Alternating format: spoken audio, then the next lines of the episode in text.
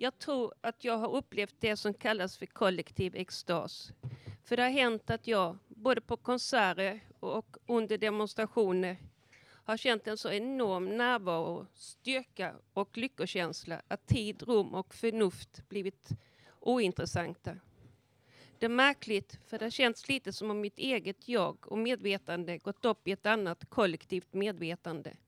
Men kanske är det vad som händer när tillräckligt många tillsammans delar samma känsla. Det anses i alla fall av psykologer att en människomassa kan betraktas som ett slags kollektiv personlighet.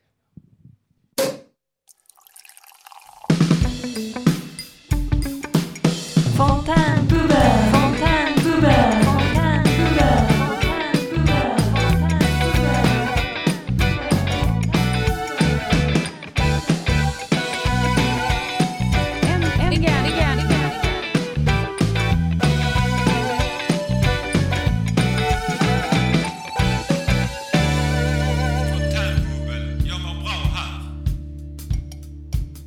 Röster. Röster.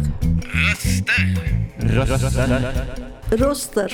Dagens programledare är Olof och Roger.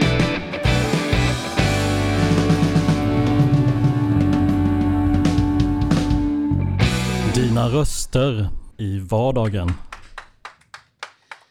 Ja, den vi just hörde det var Malou som hade inledde med eh, det här dagens, eh, denna veckas fontänbubbel. Och vi sänder som vanligt från Lunds fontänhus. Idag är det torsdagen den 20 april 2023 och vi ska tala om kollektiv extas och grupptänk. Själv vet jag knappt vad kollektiv extas är, men kanske grupptänk. Har du Olof någon erfarenhet av kollektiv extas? Eh, Jag tänkte komma till det, men jag tänkte inleda med att säga att just, just det faktum att idag är den 20 april, det får mig att tänka på att det faktiskt var en viss en, det är ett födelsedagsdatum som det var en viss ledare som verkligen ledde en kollektiv extas eh, på 30-talet i Tyskland.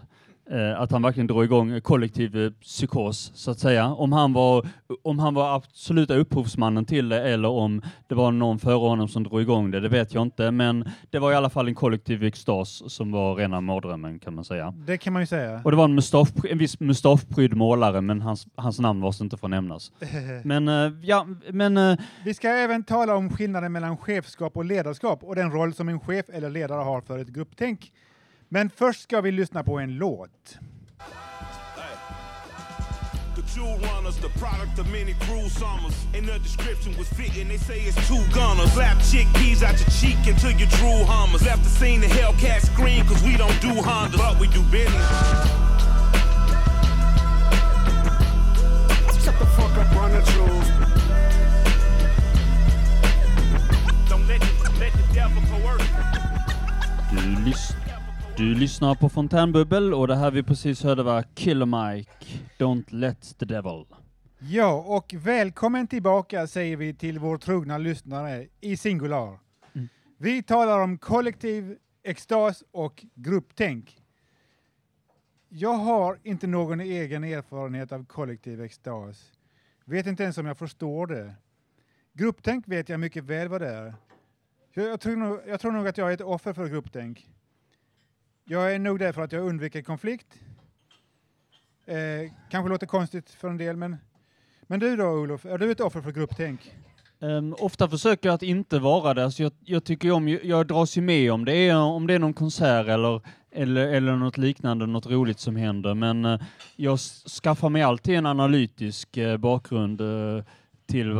I politiska till, sammanhang till, till, till, exempel i politiska sammanhang, ja. Ja. Att, att, jag, att jag försöker, att jag, att jag alltid gör, all, jag, vill, jag vill tänka själv, jag vill, inte, jag vill inte följa med något annat tåg så att säga. ja, det är väl klokt, det tycker jag då alltså. Men du, Men, eh, ja, har du något mer att säga om det? Men, men jag vet ju att det finns ju mycket det finns ju många som, till exempel när man är på konsert som till exempel Malmöfestivalen när det var moshpit, då var ju, om man kastades ut i det, då vet, jag, då vet jag att det var någon form av, det är definitionen på kollektiv extas, att man gör någonting som man kastas ut och bankar och, och slåss på och, och hoppar på varandra utan att direkt ha någon konsekvenstänk, men det är bara för att det känns så skönt just då. Eh, Men, men, men jag vet ju att det finns, även om jag inte har någon erfarenhet direkt av eh, den här eh, som det finns till exempel i idrott, så, så har jag en morbror som blir helt, varje gång när det är, när, när det är sport och MFF gör någonting, då blir det "Ah! Ah!" om man, om man är i samma hus som han eh, och så, så hör man liksom det- att huset håller på att rivas och han får något utbrott eller någonting. Och, "Ah! Ah!" Det har jag själv ingen erfarenhet av i min familj. Eh, En gång när jag var i London när jag var 14 år med min pappa, Ja. Jag och mina syskon, Mm. då, eh, då, då fick, gick det, fick han en skruv lös, min pappa, och började heja på Tottenham när de spelade mot, eh, vad de nu, vem de nu spelade mot, Tottenham Hotspur, spelade mot ett lag, vi, vi var i Tottenham. Ja. Eh, för det ligger väl i London, eller i närheten av London i alla fall. Ja. Det Så det en gång som jag har sett min far eh, uppeldad i idrottssammanhang. Han, var, han tränar judo och så, men eh, det var ju inte samma sak. Nej. Det är inget sånt som man blir fanatiskt eh, intresserad eller Nej. får utbrott för, höll jag på att säga. Men, Ja. I alla fall, men Olof, krävs det egentligen en ledare för att andra ska kunna grupptänka? Eller grupptänker även, även en ledare? Jag vet att du har lite svårt för att svara på den frågan. Ja, alltså det, som jag förstår så handlar det om att eh, de gruppledarna ska förstå dynamiken, vad det är som eh, orsakar det att de vill gru, gru- grupptänka och att det då kan handla om att man vill göra, man, man vill flytta man, man, man vill flytta standarden så att, så att andra börjar eh, Tänka de grupptänka, banorna. tänka i de banorna som man själv kanske vill. Men Att standarden, andra ska vad menar du tänka. med standarden? Nej men vad, vad som är lagom i någon situation. Vad, vad, vad, Var, var ribban ska ligga? var ribban ska ligga, ja precis. Ja, Okej, Det är det jag menar.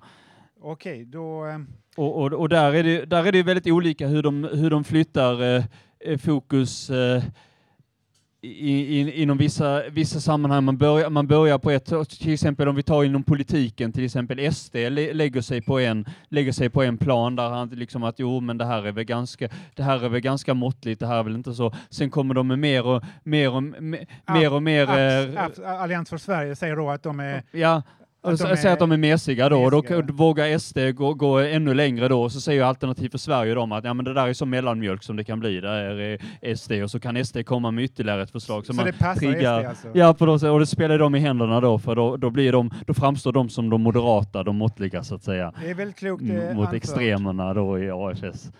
Till exempel. Eh, jag läste någonstans, eller såg på TV, om grupptänk bland flockfåglar. Råkor flyger i flock Mm. och deras svärmformationer är helt random. Varje råka behöver bara hålla reda på sina sju närmsta råkvänner i svärmformationen. Och då blir resultatet en vacker och volatil forma- formatering i luften. Det är ett resultat som nog motsvarar vårt mänskliga grupptänk. Om jag följer eller inordnar mig i vad sju andra av mina närmsta i min flock då, här på fontänhuset strävar mot och varje annan medlem på Lunds fontänhus gör detsamma med sina sju närmsta så blir resultatet ett volatilt grupptänk på en större skala. Mm. Ja, jag, jag funderar, hur, hur, hur menar du där? Alltså, me, menar du att man delar upp sig eh, sju och sju så att säga? Ja, det, det, det är väl det jag... Alltså, det, det, Mm. det, vi driver ungefär åt samma håll, men vi rör oss i lite olika riktningar. Så Aha. menar jag. Ja. Vi har lite olika uh, uh, utgångspunkter, lite olika slutresultat och så, men vi driver i stort sett åt samma håll. Vi följer flocken allihopa. Ja. Men då, det är ju olika flockar då. Jag tänker, har vi på redaktionen en flock som vi följer och Ja. de har en, har en flock och Gröna fingrar en flock? Jag skulle säga det. Och Ja. Jag vill här göra en jämförelse med den militära världen. Jämförelsen berör radiofrekvenshoppning. Taktiken att frekvenshoppa kräver att man först synkroniserar sändning och mottagning mellan sändare och mottagare automatiskt och att man alltid sänder på en i förväg given frekvens från starten på meddelandet och automatiskt frekvenshoppar från den enligt ett i förväg givet mönster. Man kan byta den inledande frekvensstationen och hoppkoden med automatik efter varje sänt meddelande. Men det kan då hända att subnät uppstår vid flervägskommunikation med flera aktörer kors och tvärs mellan förbandsdelar. Ett subnät består av ett antal radiostationer som har synkroniserat sin klocka och sin PRN-kod, fråga mig inte vad det betyder, sinsemellan, men inte med övriga stationer. Ett subnät uppstår när några radiostationer inte nås av de andra i synkroniseringsögonblicket. Och det är lite så jag tänker mig att råkornas svärmformationsbildning fungerar. Råkorna har ju bara koll på sina sju närmaste grannar i svärmen. Så ett ändligt antal subnät uppstår i den volatila svärmen. Ja. Det var så jag tänkte förklara det också, lite med militära Mm. förklaringar. Vi återkommer med det, som, men vi lägger på en låt nu. Ja.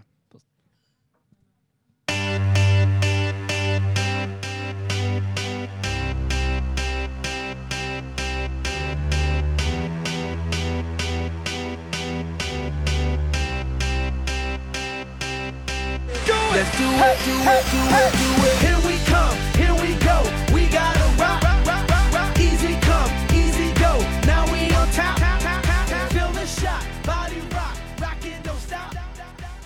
Lyssnar på Fontänbubbel och det här hörde var Black Eyed Peas med I got a feeling.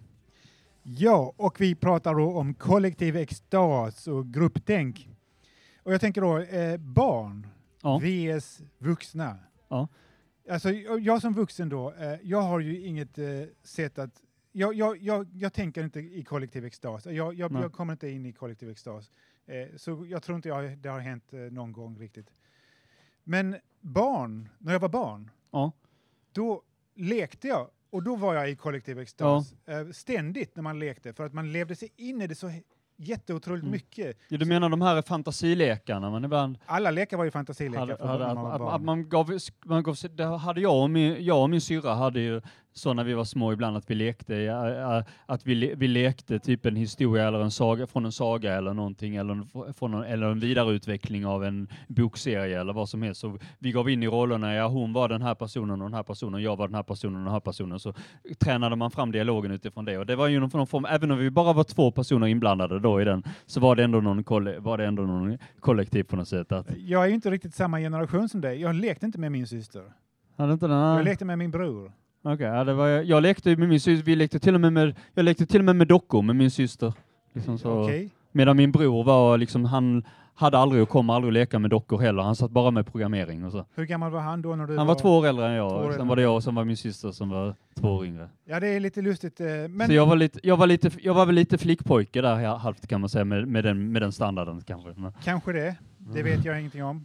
men, eh, Men vi har en gäst här. ja då.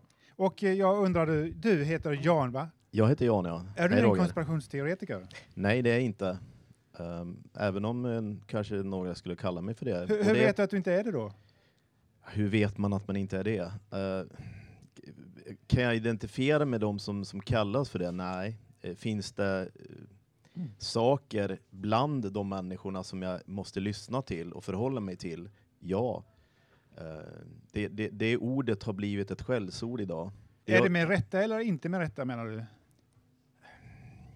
Konspiration betyder ju sammansvärjning. Att genomföra en kupp för att störta ett, ett, ett land, en diktator till exempel, som inte uppfyller kraven på Mm. folkrätt eller liknande. Då konspirerar man mot makten.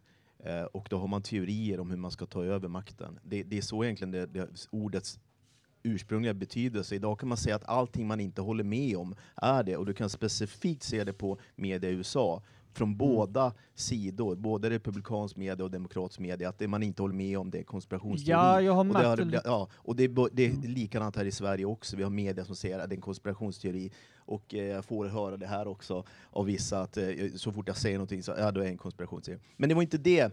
Vi kan ju börja där, men det är framförallt, jag, det jag vill prata om den kollektiva extasen i pandemin.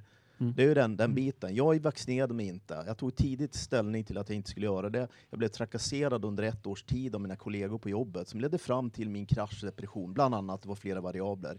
För jag valde det som man kallar för informerat samtycke, informed consent. Att jag vill själv kunna välja om jag ska ta in ett vaccin i min kropp eller inte. Men var det då så klokt med tanke på att du, blev, du kraschade där eh, på grund av eh, efterverkningarna av det här beslutet? eh, Ja, jag, jag skulle ha gjort likadant ja, i, i, i, idag om jag hade fått Trots välja. att du, att du hade kraschat då också kanske? Ja, För att jag vill inte ha in ett, ett vaccin. Och det, det bygger på, jag menar det är saker som jag har tagit reda på sen. Eh, jag måste nämna en, eh, en, ett, ett radioprogram, en poddradio som sändes på Spotify. Det kom i blåsväder. Joe Rogan, ja, han är konspirationsteoretiker, men han har också bjudit in förnäma, vad ska jag säga, eh, väldigt kunniga personer. Och han bjöd in först Peter McCullough, som var en av världens mest citerade forskare inom vaccin, vaccin Erkänd forskare. då. Erkänd forskare, ja. Mm. Eh, och sen tog han in eh, den, den Robert Malone, som är den som har utvecklat, eller han lägger till grunden för eh, hela mRNA-plattformen. Han har inte utvecklat vaccinet, så det har han aldrig gjort anspråk på. Men han förklarar då i den här podden vad det är. Han, både Peter McCullough och Robert Malone blev alltså avstängda från sina universitet, från Twitter och liknande. Nu är de, har de ju fått komma tillbaka. Men det han nämner då, för han tyckte så här, jag vill ju uttrycka min skepticism, att det finns en fara med hela den här tekniken. Och så grävde han och grävde och grävde. Hur kunde det komma sig till det? Och då får han fram en, en organisation som heter Trusted News Initiative, som grundades 2016. När valet Av vem? Eh, det är ett brittiskt företag. Jag vet inte vilka som har stoppat in pengar där. Men de knöt i alla fall till sig A-press, eh, Reuters, senare anslöt sig Twitter och Facebook. Och det är det här han förklarar. För att då i valet 2016 mellan Trump och Clinton, då tänkte man att främmande länder skulle kunna påverka det amerikanska valet. Det här var alltså innan det, det, det sista valet. Eh, men sen blev det så att de tog in det här, när, när pandemin satte igång, så kunde man också säga att nej, det finns bara ett narrativ som gäller. Alla gånger som du under hela pandemin, så, så här, rätt information finns på Folkhälsomyndigheten, rätt information finns på WHO. Och det, det var genom TNI som man, man, man, man styrde den informationen. så, så du menar alltså att det var någon slags politiskt rävspel bakom? Att, eh, Jag, menar, alltså, jag, jag kan ju se så här också, för att jag gillar inte konspirationsteorier. Det finns en massa som tänker helt sjukt, att 5G och allt möjligt, så jag menar, att det blandas ihop i allt detta, så det blir en, en, en sörja av det. Men när forskare på hög nivå från, blir avstängda från sina universitet och deras röster tystade, då är det någonting som jag i alla fall känner att här är det någonting som inte står rätt Fast till. jag, å andra sidan då måste jag komma in och säga att vad som krävs för att vara forskare inom, vi hade de här 22 forskarna som, som alltid var framme, som blev 27 efter ett tag, som, som då skulle visa varför det var fel, varför Sverige hade agerat så fel under pandemin, varför man borde haft mycket hårdare lockdowns och massa sådana olika munskyddskrav och sånt. Men, men de hade ju inte alltid, de var ju inte alltid kvalificerade, även om de hade en titel så hade, visste de inte alltid vad de pratade om, bara för att de var forskare så att säga. Det var inte alls för att de var forskare inom det området. Så jag bara menar att, att någon är forskare, det betyder ju inte Men att Anders. Tegnell var ju epidemiolog. Han, han Ja. kunde ingenting om vi- själva viruset och vaccinet och vad som händer i kroppen. Han kunde ju bara det som hände i det yttre. Ja. Och ändå kunde han uttala sig. Alltså, det finns... Jo, men det var det det handlade om då, Ja, att, ja. eh, Och att det det var andra menar som var en, forskare epidem- som en epidemiolog är ju den som ser när det, när det sprider sig och har kanske inte specifik kunskap om vad som händer inne i kroppen. Och ändå kunna uttala sig om vad jag ska göra med min kropp. Ja, nej, Är men det det, inte det, var då? inte han, utan det var inte Nej. det jag pratade om i det här fallet. Sen, är, sen tycker jag Anders Tegnell, han, det gjorde bra, vi pratade om det innan här. Men det, det Mm. jag vill komma fram till, den här kollektiva hypnosen, extasen, vad det är, där alltså det blev en vattendelare. Du har inte tagit vaccinet, alltså är du pestsmittad, du, inte, du skulle borde spärras in, ditt pass borde tas ifrån dig, du ska inte Mm. få göra någonting, Din, dina medborgerliga rättigheter ska tas ifrån dig för att du inte tar det. Jag tog mitt ansvar, jag stannade hemma när jag skulle, isolerade mig, jag gick inte till gymmet, jag hade på mig munskyddet och liknande, Mm. jag cyklade bara till jobbet. Fast det är inte alla som gjorde så. Nej, jag, jag vet. Så att, eh, Vissa hostade bara på. Så, vissa hostade bara på Ja, och struntade bara i det. så Ja. det var inga, inga åtgärder, inga självskydd. men, men så. ta det som var i Australien då, eh, som, eh, där man satte folk i läger. Alltså Mm. verkligen spärrade in folk. Det, det, det, det är helt obegripligt. Och det, det är den som jag kan känna en viss rädsla för. Är det är det, det, är det, det som stater ska göra då? Finns det en logik i det? Finns det en sund mänsklig det, det logik? måste ju vara resultat av kollektiv extas då, tänker man kanske, möjligtvis. Mm. Det här med att, spärra in, att man börjar spärra in folk Ja. för att de inte tar sitt vaccin. Mm. Ja. Det, det är ju en form av kollektiv Eller extas. som de gjorde i Kina och svetsade igen dörrar. Ja. och det, det är ju inte in. klokt ju. Ja. Det är verkligen hysteri. Eh, Men då, då tycker jag faktiskt att eh, Sverige skötte, jag tyckte jag hela tiden, Anders Tegnell han visste vad han pratade om. Mm, Alltså, då, mm, jag höll på han i i alla lägen. Men är du med om det här att, liksom, att har du hört eller någon så att det är folk som har sett rött? Min kollega såg rött på mig under ett års tid. Att faktiskt, jag, jag var en idiot, jag var helt dum i huvudet, jag borde liksom inte... Eh, ja, Ja, Jag ska säga att jag var, jag var skeptisk också. Men jag, jag är aldrig först med någonting. Men jag var, det första halvåret eller så var jag skeptisk och Mm. ville inte riktigt vaccinera mig. Mm. Men sen gav jag in liksom för att jag är, jag, jag är det var inte kollektiv extas, det var ju snarare eh, Kollektiv rädsla grupptänk kanske. Ja. Eh, så att, eh, Så det är väl det motsatta? Då? ja, kanske det. Eh, jag, det är ingenting jag skäms för, alltså, det, om du trodde det. Så att det, Nej, nej. det är bara det att det, det är så jag fungerar. Mm. Alltså, jag, jag är aldrig först med någonting, men jag är inte heller sist. Ja. Jag, jag vill inte ge med mig egentligen, men, Nej. men, eh, för jag hade vissa incitament för att inte göra det, som Mm. att de eh, experimenterade med abort, Mm. fos, foster från abort och så. Mm, mm. Det var det som gjorde det egentligen. Det var inte för min egen säkerhet eller för någon annans säkerhet eller för, någon annans, för, för att vara en jävel eller så, utan Mm, mm. jag tror verkligen på det, att det, det är fel. Mm. Men det är en sak. Ja, eh, vi har, det här skulle vi egentligen kunna prata mer om, men, men vi har ju en liten tidsplan då förmodligen som, eh, som man kan ta. Men vi tackar så hemskt mycket eh, Jan för, för, hans, eh, för hans redogörelse. Jag tycker vi lägger, vi lägger på en låt nu så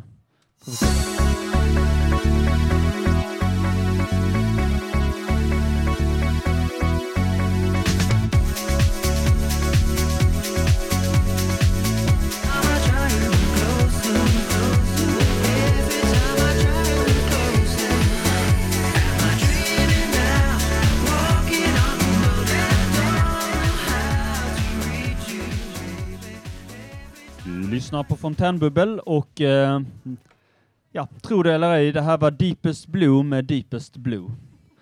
Eh, ja, eh, vi har en ny eh, gäst här. Eh, välkommen eh, Göran heter du väl? Ja, det gör jag. Hej. Ja, hej. Har du någon erfarenhet av grupptänk och kollektiv extas? Massor. Vill du berätta lite? ja, jag har ju varit aktiv i fotbollen i hela mitt liv och upplevt eh, kollektiv extas i, på massor av ställen. Dels i mitt klubblag, landslaget och även i England, Var i England? i London, Som supporter. supporter?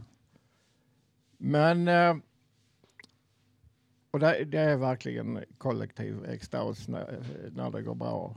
Även när det går dåligt. Alltså grupptillhörigheten är väldigt viktig. Men jag skulle bara berätta en grej när jag upplevde en extas som bara kom plötsligt över mig. Helt eh, oväntad. Jag var på konsert på KB i Malmö för att kolla på en eh, amerikan som heter Steve Earle. Och han är då eh, rock country artist.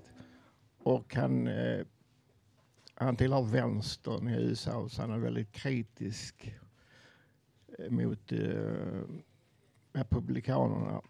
Och just den här konserten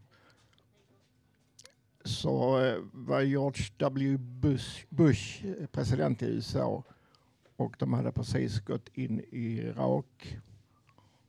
Och eh, Steve Earle var skitförbannad. Och han gjorde ett helt album om det. Och jag stod mitt i publiken, nykter och städad och bara lyssnade. Och så kom det eh, en låt som heter FCC. Uh, eh, han sjunger Fuck you om uh, myndigheterna, FBI, CIA och, och även andra. Och så sjunger han Fuck the USA. Och så sjunger han F, U, C, K. Och då plötsligt så märkte jag att jag stod med en knuten näve och hoppade i publiken. Jag var helt tagen och inne i stunden. Och sen var konserten slut och så åkte jag buss hem. Vi ska få höra låten som, Ja. som Och han, han var amerikan, den här? Amerikan, ja. Sydstatare från början. Ja, det, Mm. det är rätt otroligt. Ja. Ja. Men du, eh, jag tycker också så att eh, man får ju ändå, alltså nu vet jag ju att det var, det var en känslomässig grej och så, men jag tycker man ska göra skillnad på staten USA och människorna i USA. Det är väl trots allt lite skillnad. Men det är ju människor de också, precis som du och jag. Eller? Ja, många är det. Det finns jättemånga bra amerikaner, men jag blev förvånad för det första att, en, att det finns så många, rent ut sagt, idioter att man kan rösta fram Donald Mm. Trump till sin ledare. Ja, men Mm. det kan jag hålla med om. Ja. Och eh, sen har jag hört i intervjuer med Trump-väljare och bara skakar på huvudet. Jag trodde inte att sådana människor fanns på riktigt. Det Men- har jag läst en del om. Majority rules don't work in mental institutions. Men säga, vi- när det gäller just det här att... Vi, Komma vi till jag botten. måste gå tillbaka till den här låten så att ni, Ja. Ja. vi, vi får lyssna på vad som tände mig ordentligt den här Ja. kvällen. Okej. Steve Earle. Då Ja. kör vi nu ja.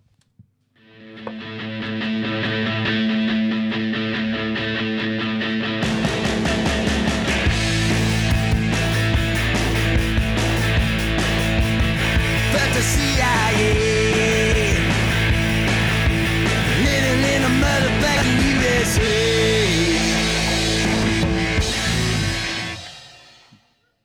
lyssnar på Fontänbubbel och det vi precis hörde var Steve Earle med FCC som, eh, som precis Göran var här och pratade om. Eh, du hade någonting du tänkte prata om, eh, om eh, kyrkan, hur det är kollektiva extasen samman med det, mormonkyrkan. Ja, alltså den kollektiva extasen var ju väldigt lindrig och den var ju alltid godartad. Ja. Det var ju liksom inga, inga det var inga eh, anti-bögdemonstrationer eller, eller vad man kan kalla det. Och, eh, det var inga, det var inga anti-vänster, ingenting, det var ingenting sånt. Det var ganska så, det var väldigt mänskligt. Mm. Och det var liksom en, en positiv form av eh, kollektiv extas kan man säga. Ja, det, det fick mig att tänka på någonting som vi fick, som jag fick, hö- fick reda på, att Ozzy Osbourne hade gått med, han hade varit på en konsert och deltagit i en demonstration mot sig själv från sådana här kristna som hade gått, gått upp och skulle demonstrera mot Ozzy Osbourne. Jag tror det var utanför hans hus till och med. Ja, att han och- kom, gick ut och gick i- med i ja, så demonstrationen. gick han mot sig med, själv med i demonstrationen mot sig själv.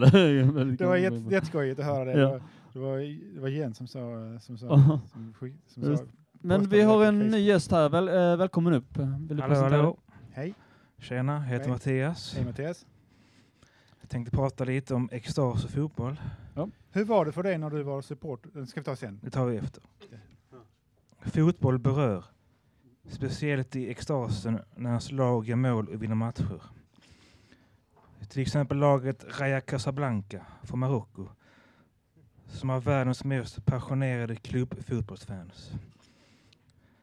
Raja Casablancas supportrar blev utsedd till bästa ultras i världen av tidningen Ultras 2022. Fanatiska supportrar som har samarbetat med myndigheter blivit en symbol för marginaliseringen av ungdomar letandes för möjligheter i ett land som erbjuder få. I dessa ultras från Marocko finner ungdomar en struktur, en känsla av tillhörighet och ett vis att existera i samhället som de inte finner i vardagen. Grupptillhörighet som kan skänka glädje, extas. Raja Casablanca supportrar har blivit en social rörelse att bli igenkända i ett samhälle där ungdomar känner sig utslutna. Detta ges uttryck i texterna av högljudda läktarsånger som ekar från Raja Casablancas fans på läktarna.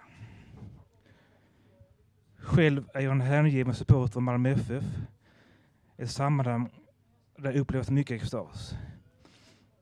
Extra mycket när Marcus Rosenbergs drömavslutning på stadion Segermål i minut 96 mot Dynamo Kiev 2019. Ett fantastiskt slut på en karriär och ikon för Malmö FF. Fullständig extas. Ett magiskt ögonblick till extas som varken fotboll kan erbjuda. Värna om detta. Okej, tack så mycket Mattias. tack, tack. Hur var det för dig när du var supporter för MFF då för ett okänt antal år sedan? Ja, jag var väldigt passionerad. Det var en passion, kärlek, en klubb. Vad ledde den passionen dig till att göra? Vad Skapa stämning på läktaren tillsammans med andra med flaggor, tifo och allt möjligt. så det var Konfetti. ganska oskyldigt då menar du? Alltså, Det du var positivt, stämning? positiv en stämning. positiv stämning? Exakt. Det var aldrig några Inga huliganer. Nej, nej, det var inte jag. Nej, nej.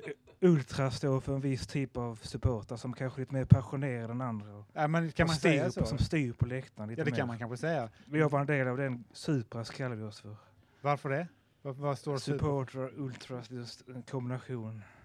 Så det, ni, ni, ni definierar er som 20 icke-våldsamma på, i Supra? Ja, givetvis. Ja. Men Men inte i Supra Ultra? startades 2003. Men inte i Ultra? Där var de våldsamma? Nej, nej, nej. nej. Huligan, man kan inte blanda med Ultras huliganer. Nej. Ultras med heja på laget, huligan. Men varför hade, ni två, hat och bråk. varför hade ni två avdelningar i samma lag, alltså samma Med supporterklubb? supportrar, ultras, blanda ihop det. Fattar du? Nej. Ja, men det är bra nu. supportrar, ultras, blanda, du fattar, kombinera. Ja. Okej, ja, men det är säkert en... eh, Det, men det var bra. Det- Det, var en fin tid där på stadion, gamla Malmö stadion där vi skapade vår läktarkultur positivt. Det kanske är det som definierar en supporterklubb. eh, Att eh, Vara delaktig i samhällsfrågor i klubben. Till exempel Det är bygga, byggandet gemenskap. av en ny stadion till exempel. Det är en gemenskap där alla liksom agerar som en person eller som en kropp. En kollektiv en kropp, en extas. Som kan skänka kollektiv extas. Och då, då är det naturligt att prata om supporter och ultra Ja, i samma tillsammans man på läktaren. Liksom en gemensam. Supra, Ja, Men kunde du få de här utbrotten också? Att du... Ja, ja, ibland. Vi är lugnare nu på senaste tiden. Inte att du börjar kasta ägg på domaren i alla fall. Det, Är du Det fortfarande, fanns andra som var aggressiva, inte jag.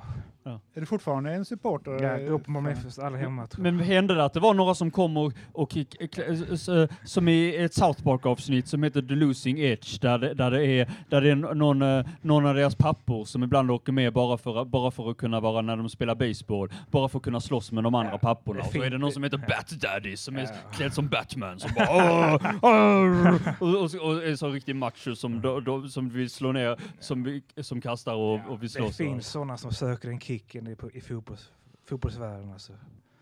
Så, ja, så det, det, men det aktar jag mig för, det är inget för mig. Ja. Okej. Ja. Men tack ska du ha Tack Mattias. mycket. Tack, tack. Tack så mycket. Eh, Jag, jag tänker att vi kör en låt och eh, sen, bjuder vi eh, in, sen bjuder vi in eh, nästa gäst. Ja.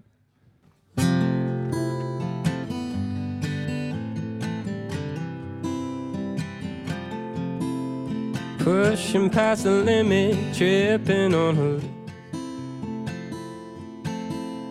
My cigarette burnt my finger cause I forgot I lit it.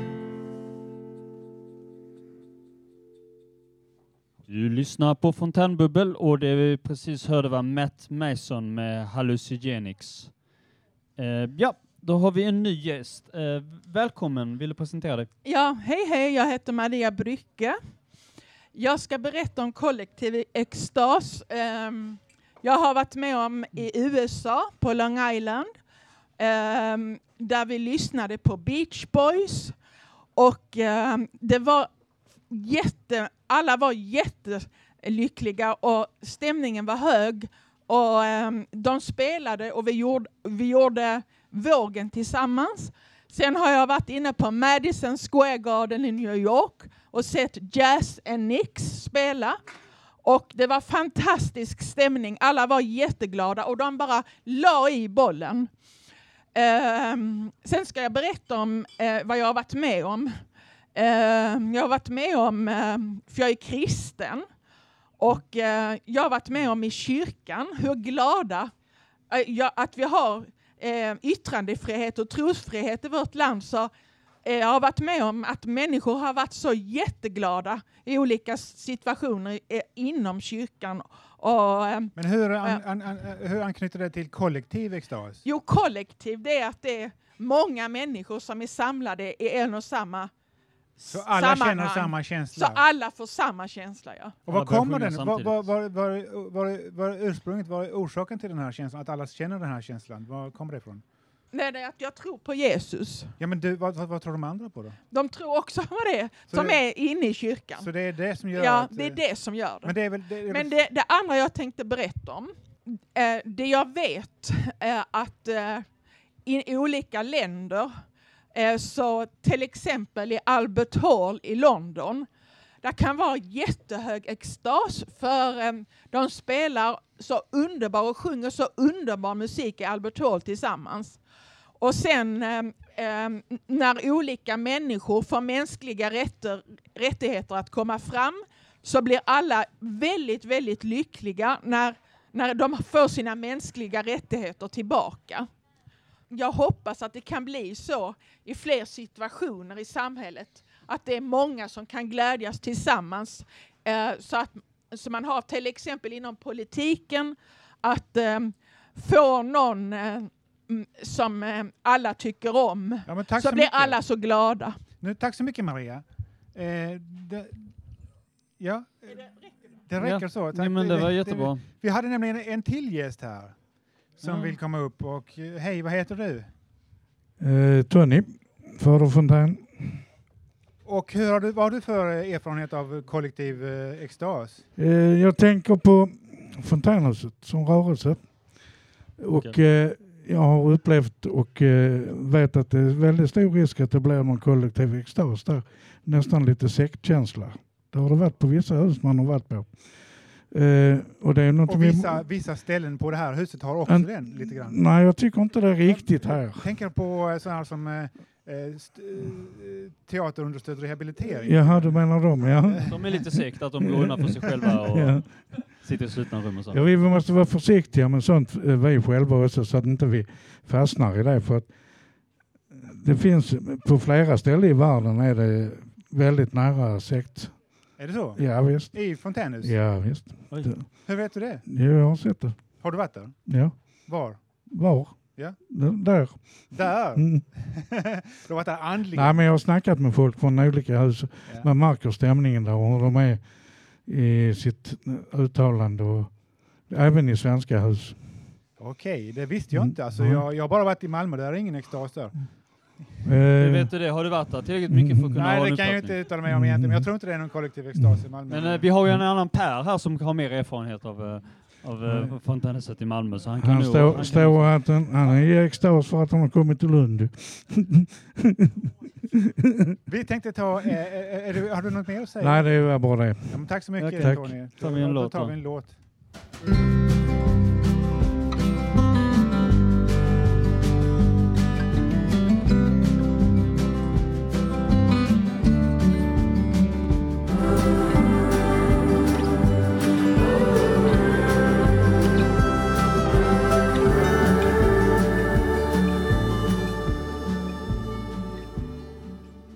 Lyssnar på Fontänbubbel och det här vi precis hörde var Albin Lee Meldau med Josefin. Ja, då är det väl inte så mycket mer att säga för vår del. Alltså, vi har ju haft en timmes podd nu om eh, om eh, eh, kollektiv extas och eh, grupptänk och eh, Ja, det har vi. Och vi har haft en massa gäster uppe här.